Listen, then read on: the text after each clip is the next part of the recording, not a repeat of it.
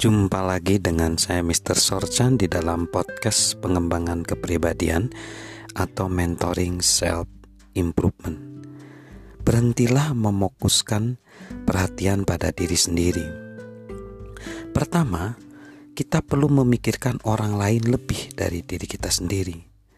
Suatu penyebab utama dari pemikiran negatif serta kesehatan mental yang buruk adalah terlalu terserap dengan diri sendiri. Ujung-ujungnya, sikap mempentingkan diri sendiri bukan saja melukai orang-orang di sekelilingnya, melainkan juga diri orang itu sendiri. Hal itu membuat orang yang bersangkutan cenderung gagal karena membuatnya terperangkap dalam sikap mental yang negatif. Itulah alasannya mengapa Dr. Carl Menninger menjawab seperti ini ketika seseorang bertanya, Apakah yang akan Anda nasihatkan pada seseorang jika ia merasa hampir depresi? Kebanyakan orang memperkirakan ia akan menjawab, "Berkonsultasilah dengan seorang psikiater." Karena itu adalah profesinya. Di luar dugaan, di luar dugaan mereka, Meninger menjawab, "Kuncilah rumah Anda, seberangilah rel kereta api." Carilah seseorang yang kekurangan dan lakukanlah sesuatu untuk menolong orang itu. Seorang bernama Kevin Mayer menyatakan bahwa kebanyakan orang terlalu tidak nyaman untuk memberikan apa pun. Saya rasa itu benar. Kebanyakan orang yang memfokuskan seluruh perhatiannya pada diri sendiri merasa bahwa mereka kehilangan sesuatu dalam hidupnya maka mereka berusaha mendapatkannya kembali.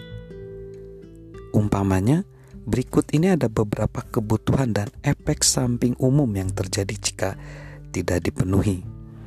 Kebutuhan batin itu akan dimiliki. Jika tidak terpenuhi, saya merasa tidak tentram.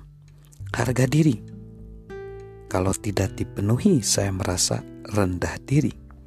Kompetensi, jika saya tidak terpenuhi, saya merasa tidak memadai. Maksud dan tujuan, jika tidak terpenuhi, saya merasa tidak berarti. Mengembangkan semangat memberi, seperti yang dimaksudkan oleh Mendinger, membantu seseorang untuk mengatasi perasaan kurang dengan cara yang positif serta sehat. Itulah sebabnya mengapa Mendinger percaya bahwa Orang yang murah hati jarang sakit mental.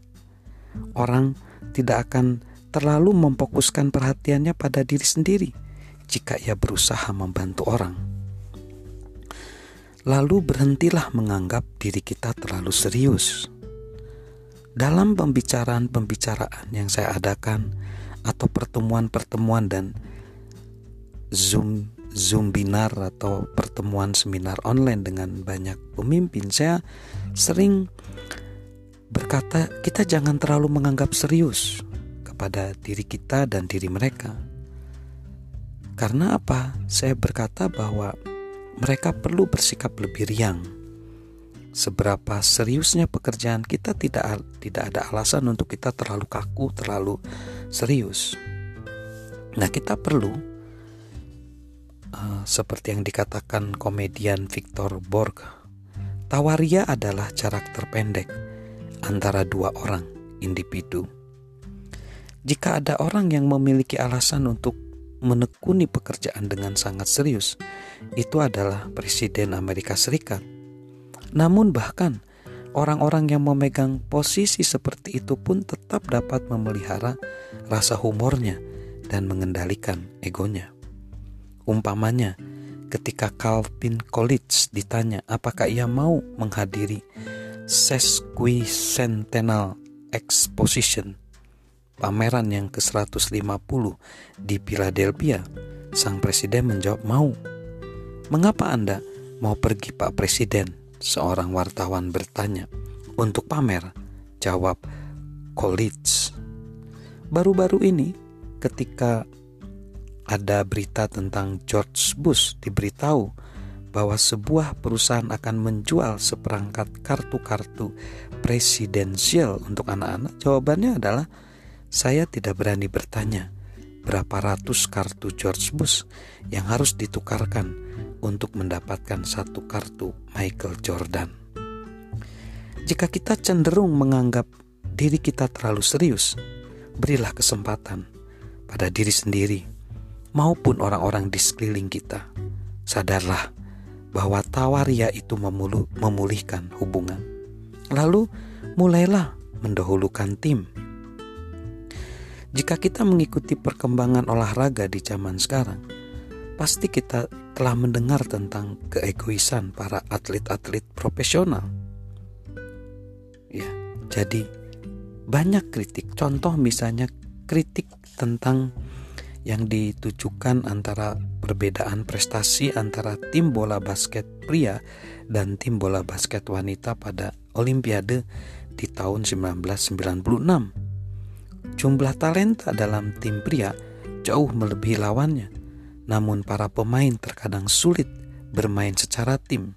Sementara itu, pemain wanita justru sangat baik kerjasamanya. Kejadian ketika persaingan sangat ketat, keegoisan membuat tim yang bersangkutan tidak mungkin menang. Akhirnya, pasti membawa kekalahan. Jika hanya talenta saja yang menentukan, maka pasti Los Angeles Lakers di akhir tahun 1990-an akan meraih kemenangan. Untungnya, tidak semua cerita tentang NBA itu tentang keegoisan dan kegagalan semata. Juara NBA tahun 1999, tim San Antonio Spurs meraih kemenangan karena pria yang telah menjadi pemain andalan dalam tim tersebut selama satu dekade menyadari pentingnya penguasaan diri. Dengan tinggi badan 2,2 meter, David Robinson adalah pemain andalan tim Spurs.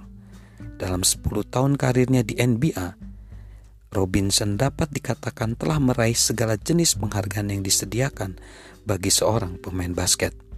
Rookie of the Year atau pemain tahun ini di tahun 1990 rebounding champion atau juara merebut bola 1991, defensive player of the year, pemain bertahan tahun ini tahun 92, number one shot blocker, penghalang tembakan nomor satu, scorer atau pecentak angka nomor satu tahun 94, most valuable player atau pemain terbaik 95. Ia juga telah 8 kali dimasukkan ke dalam bintang-bintang NBA Permainannya yang konsisten dan sempurna telah menempatkannya di jajaran atas dalam beberapa kategori NBA, termasuk skor yang dicetaknya dalam setiap pertandingan.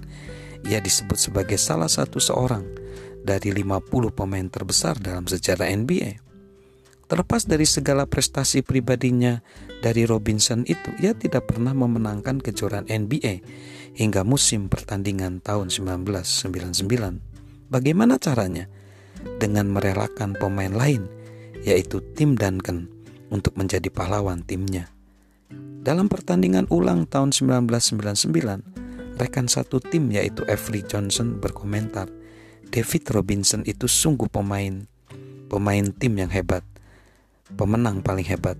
Ia buang egonya dan menjadi pemain yang sama sekali berbeda demi kebaikan tim. Ia masih dapat mencetak skor rata-rata 25 angka. Namun apakah kami akan meraih kejuaraan jika ia tidak menjadi pemain tim yang hebat? Tidak.